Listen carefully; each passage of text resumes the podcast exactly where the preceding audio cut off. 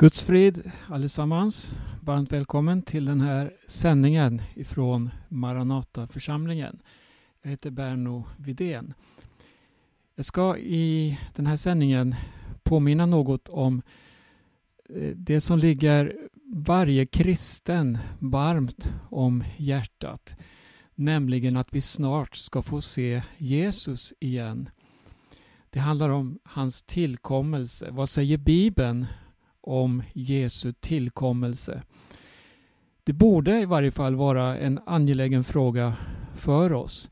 Något som vi talar om, något som vi lever för, som vi väntar på.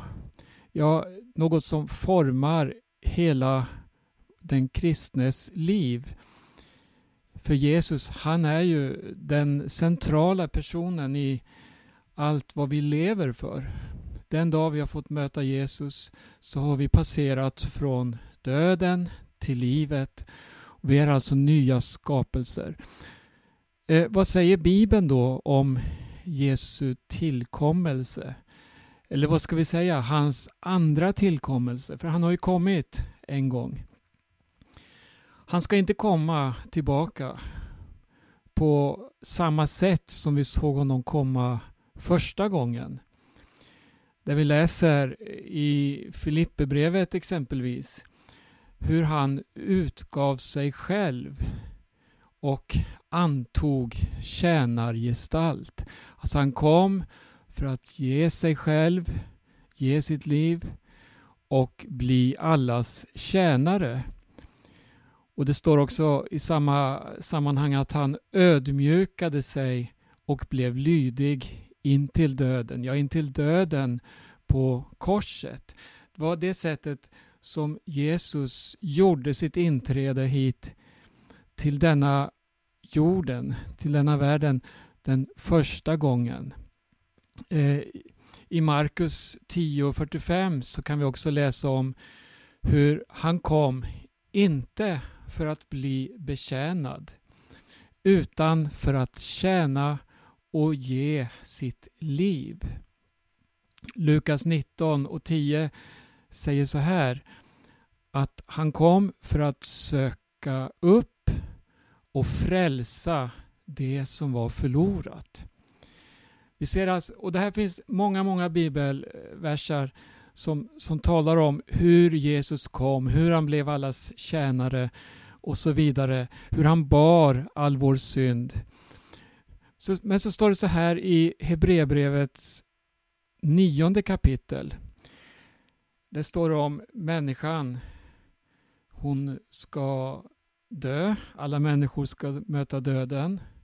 Och i 27 versen står det så här. Liksom människan måste dö en gång och sedan dömas så blev Kristus offrad en gång för att bära mångas synder. Här har vi återigen varför Jesus kom och på vilket sätt han kom den första gången. Det var som att han kröp ner under varje människa. Alltså för att lyfta upp var och en som tror på honom.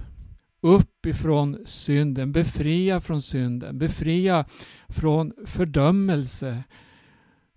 Och på det sättet genom att dö för oss så blev han i sig själv ett offer inför Gud och han bar många människors synder. Här har vi höjdpunkten i, i världshistorien, höjdpunkten, den viktigaste dagen överhuvudtaget i vår historia. Det var den dag då Jesus korsfästes, då han bar din och min synd i sin kropp upp på korsets trä. Det står vidare så här i Hebreerbrevet 9 och vi läser från den 28 versen. Och han ska träda fram en andra gång. Inte för att bära synd utan för att frälsa dem som väntar på honom. Han ska alltså komma tillbaka en andra gång. Och Det här är något som vi väntar på, något vi ser fram emot. För han ska ju komma till sin församling först och främst. Han har utvalt en skara. Och Det här är inte något exklusivt, någon speciell liten utvald grupp, utan evangelium är ju så att det är ett budskap som ska nå ut till hela världen. Vi har fått en befallning av Herren Jesus själv att gå ut i hela världen, förkunna evangelium, lär, döp och så kommer löftet, jag är med er alla dagar in till tidens ände. Så när det står att han ska komma till sin församling så handlar det om varje människa. Och varje människa som tar emot honom i sitt liv och låter honom få bli Herre och Frälsare. Då ska den människan få uppleva syndernas förlåtelse. Och när han kommer tillbaka en andra gång så skriver Paulus så här i första Thessalonikerbrevet 4 hur han kommer för de sina. Vi läser från vers 16. När en befallning ljuder, en ärkeängels röst och en Guds basun, då ska Herren själv komma ner från himlen och det som har dött i Kristus ska uppstå först. Därefter ska vi som lever och är kvar ryckas upp bland dem skya på skyar tillsammans med dem för att möta Herren i rymden. Och så ska vi alltid vara hos Herren. Det här är ett väldigt starkt och tydligt budskap som handlar om församlingens uppryckelse, eller var och en som älskar Jesus, som har tagit emot honom, ska få uppleva denna eh, händelse om vi då inte har lämnat jordelivet tidigare. Ja, då ska vi också få vara med, klart. För de döda i Kristus, de som har dött i honom, ska uppstå först och tillsammans med dem så ska vi möta Herren Jesus Kristus på skyn. Ett oerhört eh, trösterikt budskap som, som når oss här. Vi ska få vara med om en uppryckelse. Och så ska vi alltid vara hos Herren. Det här bortförklaras ibland och det sägs att eh, det inte är på det sättet, men det står faktiskt så. Och det är inget konstigt. Det, det är väldigt naturligt att vi ska flytta hem. Bibeln eh, talar gång på gång om för oss att den som har tagit emot Jesus, han är inte längre en del av den här världen. Vår vandring här på jorden är likt en pilgrims vandring genom tiden. Vi är på väg mot ett mål. Och vart är vi på väg? Jo, till vårt rätta hemland. Eh, Bibeln förklarar exempelvis på det här sättet att vi är födda på nytt. Vi är födda genom Guds vilja. Vi är födda ovanifrån. Och vi tillhör alltså ett annat rike genom den här nya födelsen. Den dag då vi tog emot Jesus och blev en ny skapelse så blev vi medborgare i Guds rike. Johannes 3 och 3 så står det så här. Jesus säger, jag säger dig sanningen. Den som inte blir född på nytt kan inte se Guds rike. Det handlar om att bli född genom vatten och ande som det står. Att inte, handlar inte om den här vanliga biologiska födelsen utan det är det här nya livet vi får ta emot i Jesus. I Matteus kapitel 6 så eh, undervisar Jesus, där har vi ju bergspredikan. Och då talar Jesus också om hur vi samlar skatter. Och han uppmanar oss att inte samla skatter på jorden men däremot i himlen. Och här ser vi de eviga värdena. Vi ser evigheten och det här som består för alltid. Det beskrivs då himlen, där blir ingenting förstört. Det som finns där, det är rent och det är evigt, det är inför Gud. På jorden, där har vi tjuvar och vi har andra eh, skadliga ting som gör att allt vi har här på jorden kommer en dag att förgås. Men det som vi samlar i himlen ska bestå. Läs gärna Matteus sjätte kapitlet från vers 19 och framåt. Så, så, så, så får du del av den här undervisningen av Jesus. Kolosserbrevet i tredje kapitlets första vers. Där står det att vi ska söka det som är där ovan. Och vi möter vers på vers här eh, att, att eh, hela vårt liv borde ha den inriktningen. Sök det som är där ovan och inte det som är på jorden. Vad betyder detta? Det, på ett sätt är det en slags befrielse från allt det här jagandet, från materialismen.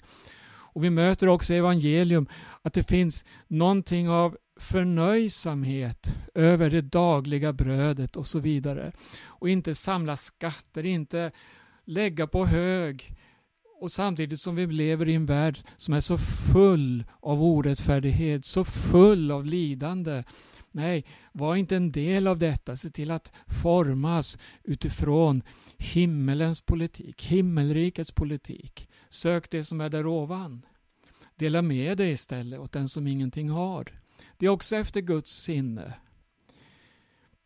I Filipperbrevet 3 så skriver Paulus om vårt medborgarskap i himmelen. Vi kan läsa därifrån den tjugonde versen. Men vi har vårt medborgarskap i himlen och därifrån väntar vi Herren Jesus Kristus som frälsare.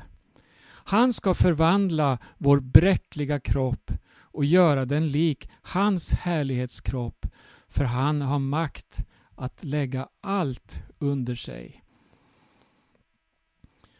Församlingen, den är verkligen något väldigt speciellt inför Gud. Det är så att alla människor är älskade av Gud. Men så finns det här eh, när församlingen, då, eller en människa, öppnar sitt hjärta och säger ja till Guds utsträckta hand. Det här är en kärlekshandling ifrån Gud, som mellan brud och brudgum. Och Det finns, det finns eh, flera bibelcitat som talar om detta. Vi ska läsa först här i Efesierbrevet 5 från vers 31. Där Paulus skriver Därför ska en man lämna sin far och sin mor och hålla sig till sin hustru och de två ska bli ett kött. Denna hemlighet är stor. Jag talar om Kristus och församlingen. Här ser vi hur eh, Bibeln framställer alltså församlingen som en brud åt Kristus. Det är en kärleksrelation. Det finns en gudomlig kärlek som binder oss samman. Och Vi ska läsa också i Bibelns sista bok, Uppenbarelseboken. Här återkommer just det här budskapet om församlingen som en brud som är älskad. Eh, och Det står så här i vers 7. Vi kan läsa från den sjätte versen. Jag hörde liksom rösten från en stor skara som bruset av väldiga vatten och dånet av kraftig åska och det sade Halleluja! Herren vår Gud, den allsmäktige, är nu kung. Låt oss glädjas och jubla och ge honom äran. För Lammets bröllop har kommit och hans brud har gjort sig redo. Skinande rent linne har hon fått att klä sig i. Linnet är det heligas rättfärdighet. Vi ska läsa också i det 21 kapitlet i Uppenbarelseboken. Här står det om den nya himlen och den nya jorden. från början. Jag såg en ny himmel och en ny jord. Den första himlen och den första jorden var borta och havet fanns inte mer. Och nya Jerusalem komma ner från himlen från Gud, redo som en brud som är smyckad för sin man. Och jag hörde en stark röst från tronen. Se, nu står Guds boning bland människorna. Han ska bo hos dem och det ska vara hans folk och Gud själv ska vara hos dem. Och han ska torka alla tårar från deras ögon. Döden ska inte finnas mer och ingen sorg och ingen gråt och ingen plåga för det som förr var är borta. Och han sade, förlåt, han som satt på tronen sade, se, jag gör allting nytt. Och han sade, skriv, för dessa ord är trovärdiga och sanna. Sedan sade han till mig, det har skett, jag är A och O, begynnelsen och änden. Åt den som törstar ska jag fritt ge ur källan med livets vatten. Vi ska hoppa fram ett par versar. Och Vi går till nionde versen. Det står om det nya Jerusalem. Och eh, Då kommer budskapet så här. Kom, jag ska visa dig bruden, Lammets hustru. Och han förde mig i anden upp på ett stort och högt berg och visade mig den heliga staden Jerusalem som kom ner från himlen från Gud. Den hade Guds härlighet, dess strålglans var som den dyrbaraste ädelsten, som kristallklar jaspis och så vidare. Så följer den här beskrivningen om det nya Jerusalem. Men det står här, jag ska visa dig bruden, Lammets hustru. Och när Nya Testamentet talar om bruden och även förebilder från Gamla Testamentet så handlar det om Kristi brud, alltså församlingen som han gav sitt liv för, den som tog emot honom här i tiden. Det här eh, för ju våra tankar direkt, men hur kan bruden då vara i himlen? Jo, det har skett en uppryckelse. Det har skett något stort i tiden.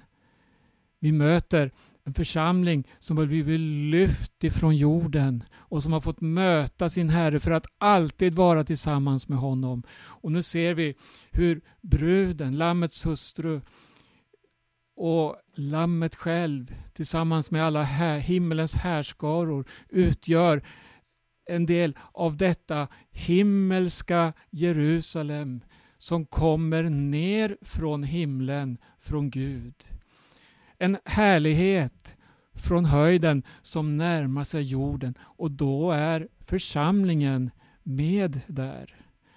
Det är oerhörda bibelversar som talar om Jesu tillkommelse och dessa underbara ting som väntar. Vi ska läsa eh, i första Thessalonikerbrevet 3 också, vers 13. Bara sista delen där. Det står så ska han styrka era hjärtan och göra den fläckfria i helighet inför vår Gud och Far när vår Herre Jesus kommer med alla sina heliga. Återigen ser vi den här kopplingen till hur han ska komma tillsammans med sin församling. Församlingens syskon, när vi läser om dem i Nya Testamentet så är det de heliga. Jag talar inte här om tider eller stunder när de olika tingen ska ske. Det finns så många olika synsätt, så många sätt att tolka skriften. Men något som vi alla har gemensamt som tror på Jesus, det är att han ska komma tillbaka. Och då står det så här i Uppenbarelseboken igen då. Vi går till det första kapitlet. Det står i vers 7. Se, han kommer med molnen och varje öga ska se honom och även det som genomborrat honom och jordens alla stammar ska jämra sig för hans skull. Ja, Amen. Här möter vi ett bibelord som talar om eh, när han kommer med molnen hit ner till denna jord och ska möta alla människor som då finns här på jorden. Även det som har genomborrat honom. Även det som är hans fiender. Du, han kommer och alla människor ska jämra sig för hans skull. Här är något som inte kommer att gå någon förbi utan han kommer ju som himmelens konung. Han kommer för att sätta sig på tronen för att regera med rätt och rättfärdighet. Det är någonting vi har längtat efter. Det är någonting egentligen hela mänskligheten eh, vill ha. Denna, denna rättfärdighet på en orättfärdig jord. På en jord där vi ser så mycket förtryck och hat och våld och elände. Tänk att han ska komma och regera i rättfärdighet. Vi går tillbaka till Filipperbrevet än en gång. Jag citerade tidigare där om hur han blev allas tjänare och ödmjukade sig och blev lydig in till döden. Vi läser från vers 9.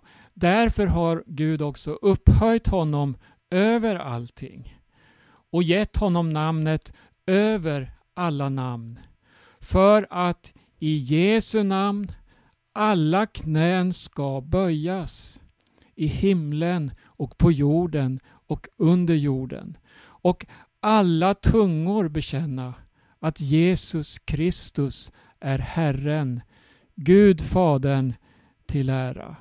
Vilket budskap! Hör, alla människor på denna jord ska en dag bekänna att Jesus Kristus är Herren. Bibeln beskriver också för oss hur det kommer att se ut på jorden i samband med hans tillkommelse. Den tid som du och jag lever idag, det är från då Jesus dog för våra synder. Det är en nådens tid. En tid där Gud har sträckt ut sin hand och gett varje människa denna möjlighet att tro på honom som är sänd och så få sina synder förlåtna. Det här är en gåva, det är ett löfte ifrån Gud och det står fast så länge det heter idag. Så länge vi lever i denna nådens tid så har vi ett budskap att förkunna till varje människa. Det är detta att vända om till Gud, få dina synder förlåtna och bli en ny människa. Bibeln beskriver för oss också hur våldet kommer att tillta. Hur eh, olyckor och katastrofer kommer att drabba mänskligheten. Det står om pest, det står om farsoter och så vidare. Och Jesus säger så här eh, i Lukas kapitel 21. Vi kan läsa från vers 25. Tecken ska visa sig i solen och månen och stjärnorna och på jorden ska folken gripas av ångest och stå rådlösa vid havets och vågornas dån. Människor ska tappa andan av skräck i väntan på det som ska drabba världen för himlens makter ska skakas. Det här sa Jesus när han talade om sin tillkommelse. Och hör hur han fortsätter. Då ska man se Människosonen komma i ett moln med stor makt och härlighet. Men när detta börjar hända så räta på er och lyft era huvuden för er befrielse närmar sig. Det är ett budskap och det är en uppmaning till oss. Och vi ser ju verkligen allt detta hända inför våra ögon. Det har inte bara det bakomliggande året visat med en helt lamslagen värld där allting stannar upp och ingen människa förmår att göra något åt det.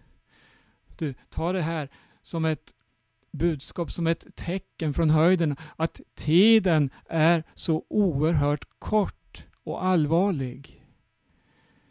Vad ska vi göra? Vi förstår att han kommer snart i ett mål med stor makt och härlighet. Och vad läste vi ska hända då? Jo, varje människa ska inse, varje människa ska böja knä inför honom och nödgas erkänna.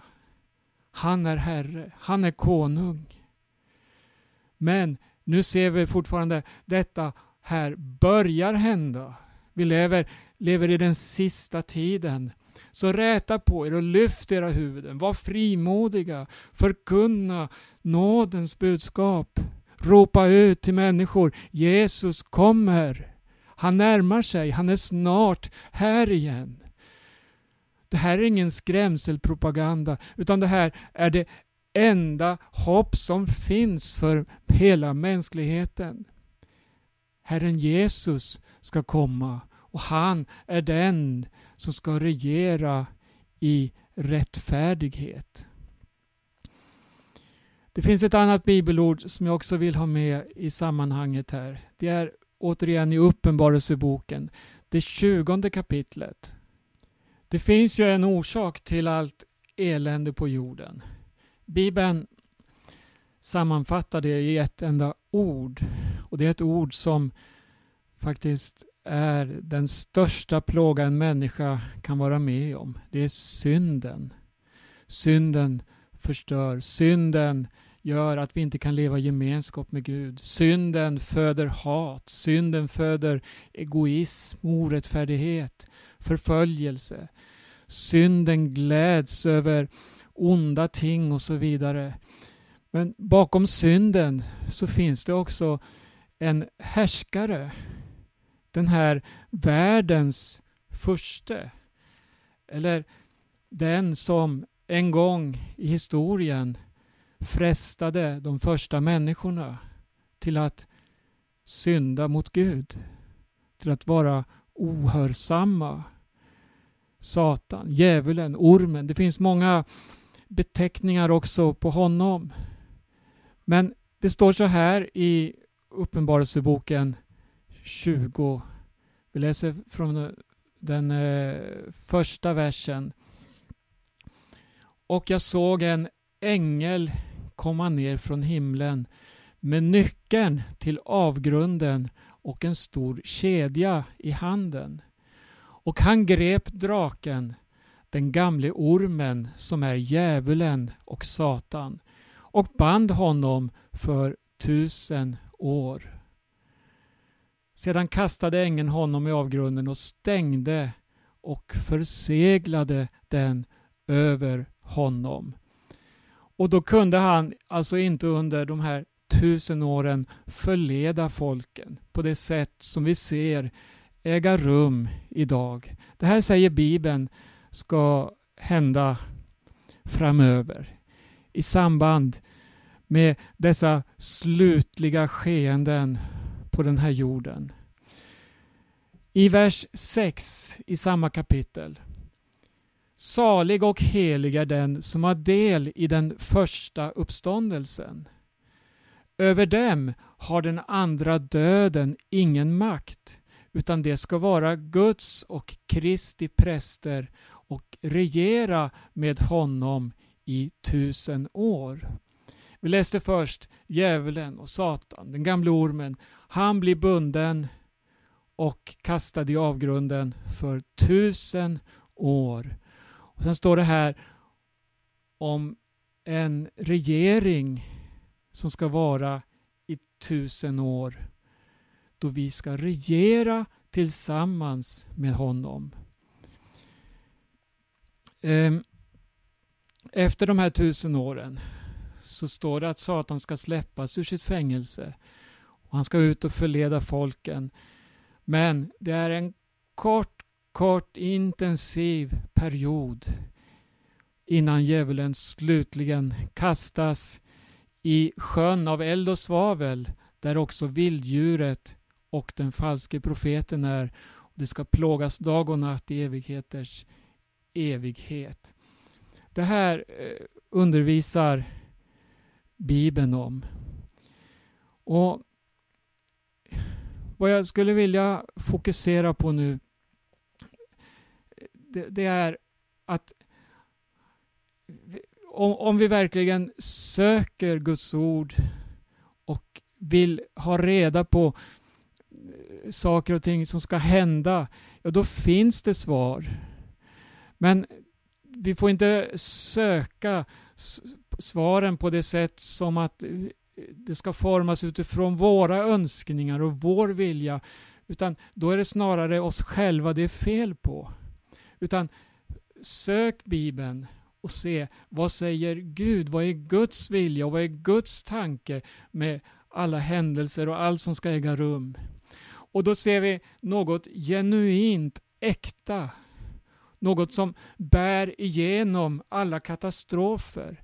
Någonting som, som håller oss tätt, tätt intill Jesus och gör oss till segervinnare. Det är den första kärleken till Herren Jesus Kristus. Och då gör, det här gör att församlingen, hon väntar Jesus.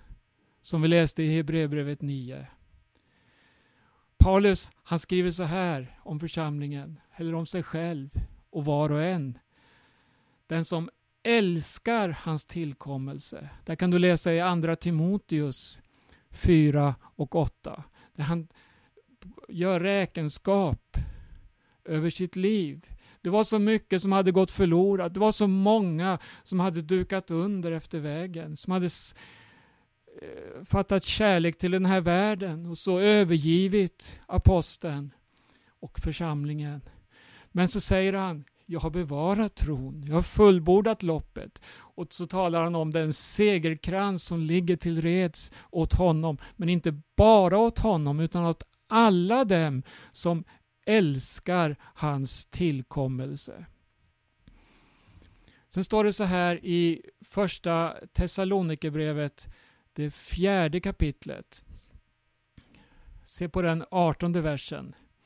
Det är precis versen efter det här enorma budskapet om uppryckelsen. Trösta därför varandra med dessa ord. Styrk varandra. Hjälp varandra. Det är en tuff värld att leva i. Det är svårt att bevaras många gånger när man känner den här vanmakten inför allt motstånd, inför förföljelsen mot kristna och så vidare. Men styrk varandra. Det finns någonting som väger mer, någonting som är större, starkare och värt att kämpa för. Herren kommer snart. En vers till. Lukas 12. Och vi tittar där på vers 32. Var inte rädd, du lilla jord för er far har beslutat att ge er riket. Hörde du budskapet? Det var Jesus som sa Var inte rädd. Er far har behagat. Och tror du att hans vilja kommer att ske? Han är segerfursten från Galgata. Han vann seger över synden, över djävulen genom denna svaghet vi ser rent mänskligt sett. Han blev dödad och bortförd som ett segerbyte. Men i denna mörkaste stund så vanns den djupaste och mest fantastiska seger. Halleluja. Det står så här i Titus. Det är tre stycken verser eh, andra kapitlet, vers 11 till 13. De här tre verserna sammanfattar eh, på ett sätt hela vårt liv här på jorden och vår framtid med Jesus. Guds nåd har uppenbarats till frälsning för alla människor. Den fostrar oss att säga nej till ogudaktighet och världsliga begär och istället leva anständigt, rättfärdigt och gudfruktigt i den tid som nu är. Medan vi väntar på det saliga hoppet att vår store Gud och frälsare Jesus Kristus ska träda fram i härlighet. Vi stannar en liten stund till vid den här, det här, de här verserna. Guds nåd har uppenbarats. Herren kom till denna jord och erbjöd frälsning för alla människor. Här har vi evangelierna. Den fostrar oss att säga nej till ogudaktighet och världsliga begär. Du, här har vi undervisningen, förmaningarna och hjälpen under vandringen. Att kunna leva anständigt, rättfärdigt och gudfruktigt i den här tiden. Hur länge då? Jo, medan vi väntar. Snart en dag så kommer han. Snart en dag så fullbordas det saliga hoppet. Vi ska få möta honom. Halleluja, han ska träda fram i härlighet. Det här budskapet om Jesu tillkommelse, det förkunnas utav Jesus själv många gånger. Han sa själv att han ska komma tillbaka. Han sa att han ska fara upp i höjden, men han ska komma tillbaka. Och han sa så här till församlingen i Philadelphia. Jag kommer snart. Håll fast det du har så att ingen tar din krona. Änglarna förkunnade budskapet om tillkommelsen. På samma sätt som ni såg honom fara upp i höjden så ska han komma igen. Paulus har vi citerat flera gånger här då han påminner om tillkommelsen. Petrus, en annan av apostlarna, en av Jesu lärjungar, han talar också om tillkommelsen och han säger att många kommer att göra hån av budskapet, kommer att bespotta er och säga hur går det med löftet? Men så förklarar han också vad man bortser ifrån och hur man är förblindad. Men du, du kan få upp dina ögon för Jesus och ta emot honom och bli ett med denna skara som väntar Jesus. Johannes, han som skrev Uppenbarelseboken och tre epistlar i Nya Testamentet. Han skriver också om tillkommelsen. Jakob i sitt brev, Judas i sitt brev. Ja, det finns så många som samstämmigt talar om att Jesus ska komma tillbaka. Det här är ett hoppets budskap. Och så säger Paulus så här, jag ska avsluta med det. Han utropar i första Korinthierbrevet 16, avslutningen på detta brev till församlingen i Korint, där det var så många uppgörelser, där han påminde om vilka de var i Herren Jesus Kristus, där han påminner om uppståndelsen och där han påminner också om tillkommelsen, så utropar han i slutverserna det här budskapet som säger Maranata, kom Herre Jesus. Kom Herre Jesus. Måtte denna eld också få brinna i ditt hjärta. Så att du inte går under Herre tiden av allt som vill fånga upp dig. Nej, höj dig över mängden och lyft dina ögon, lyft ditt ansikte, se Herren kommer snart. Låt det få vara din bön. Kom Herre Jesus. Amen. Gud välsigne var och en.